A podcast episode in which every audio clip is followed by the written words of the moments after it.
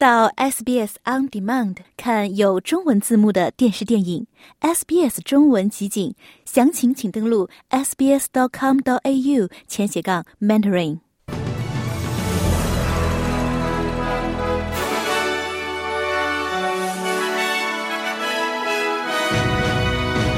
新州或将对非法处置石棉实施更严厉处罚。自由党呼吁为航空公司乘客提供更多保护。特朗普赢得内华达州共和党党团会议胜利。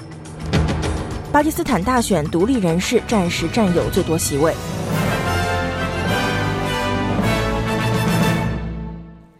以下是新闻的详细内容。塔斯马尼亚自由党少数党政府的未来仍不明朗，但是塔州本周末不会提前举行选举。独立议员塔克和亚历山大。已与塔州州长罗克利夫会面，但是至今未能就与政府合作达成协议。但是罗克利夫已经收回了上周发出的最后通牒，威胁称如果两人支持反对党的议案，就有可能提前举行大选。出于对透明度的担忧。尤其是对国家 AFL 球队和体育场协议的担忧，塔克和亚历山大于去年五月离开自由党，使塔州政府成为少数党。塔克表示，他愿意与州长进行谈判，因为他将继续担任议员职位。I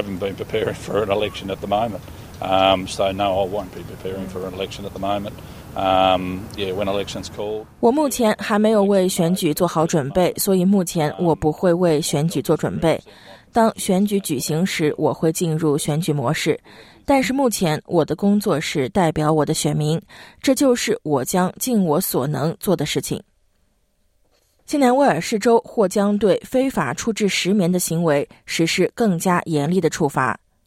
此前，悉尼的一个游乐场和其他场所附近发现潜在危险物质石棉。新州环境部长夏普表示，州政府正在考虑提高处罚力度，以防止企业非法处置石棉材料。在新州被发现非法处置石棉废料的个人，最高可被罚款七千五百澳元；公司最高可被罚款一万五千澳元。如果相关案件被法庭受理，罚款金额可能会高达一百万澳元。联邦反对党呼吁为航空公司乘客提供更多保护，防止航班取消或延误。联盟党将在本月晚些时候提出一项私人参议员法案，旨在加强对消费者的保护，并称该法案旨在整顿澳大利亚的航空业。去年十二月期间，澳大利亚有两千两百多条航线被取消。而国家航空公司澳航则因票务丑闻和被指控出售已经取消的幽灵航班机票而备受困扰。反对党运输发言人麦肯齐表示，澳大利亚国内航空业需要在航班取消和延误之后为客户提供更好的体验。您正在收听的是 SBS 中文普通话节目。听众朋友，欢迎您继续收听 SBS 新闻简讯。接下来，我们来关注一下国际方面的消息。美国前总统特朗普赢得2024总统选举内华达州共和党党团会议胜利，在成为唯一的主要候选人之后，特朗普离获得共和党党内总统提名更进一步。此前，特朗普已经在爱荷华州、新罕布什尔州以及美属维尔京群岛的共和党党内初选之中胜出。共和党人尼基·黑利仍在竞选之中，但是选择跳过内华达州的党团会议。特朗普在拉斯维加斯与支持者一起庆祝胜利。We're leading everybody. We are right now. Is there any way we can call the election for next Tuesday? That's all I want. 我们领先于所有人。我们现在有没有可能在下周二举行大选？这就是我想要的。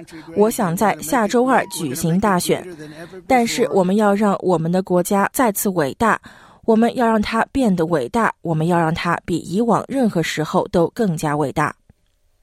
巴基斯坦大选因移动电话服务中断和暴力骚乱而受到影响，目前仍在计票之中。目前与前总理伊姆兰汗有关联的独立人士占据最多席位。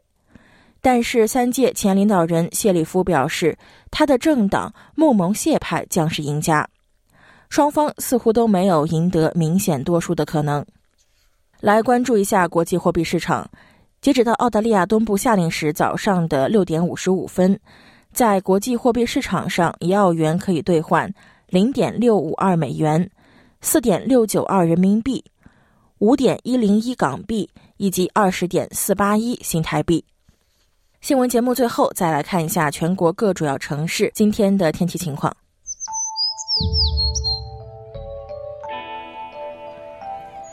悉尼时有阵雨，最高温度二十六度；墨尔本多云见晴，最高温度二十七度；布里斯班时有阵雨，最高温度三十度；堪培拉多云见晴，最高温度二十四度；阿德莱德晴，最高温度三十一度；珀斯晴，最高温度四十一度；达尔文阵雨可能有暴风雨，最高温度三十一度；霍巴特多云转晴，最高温度二十度。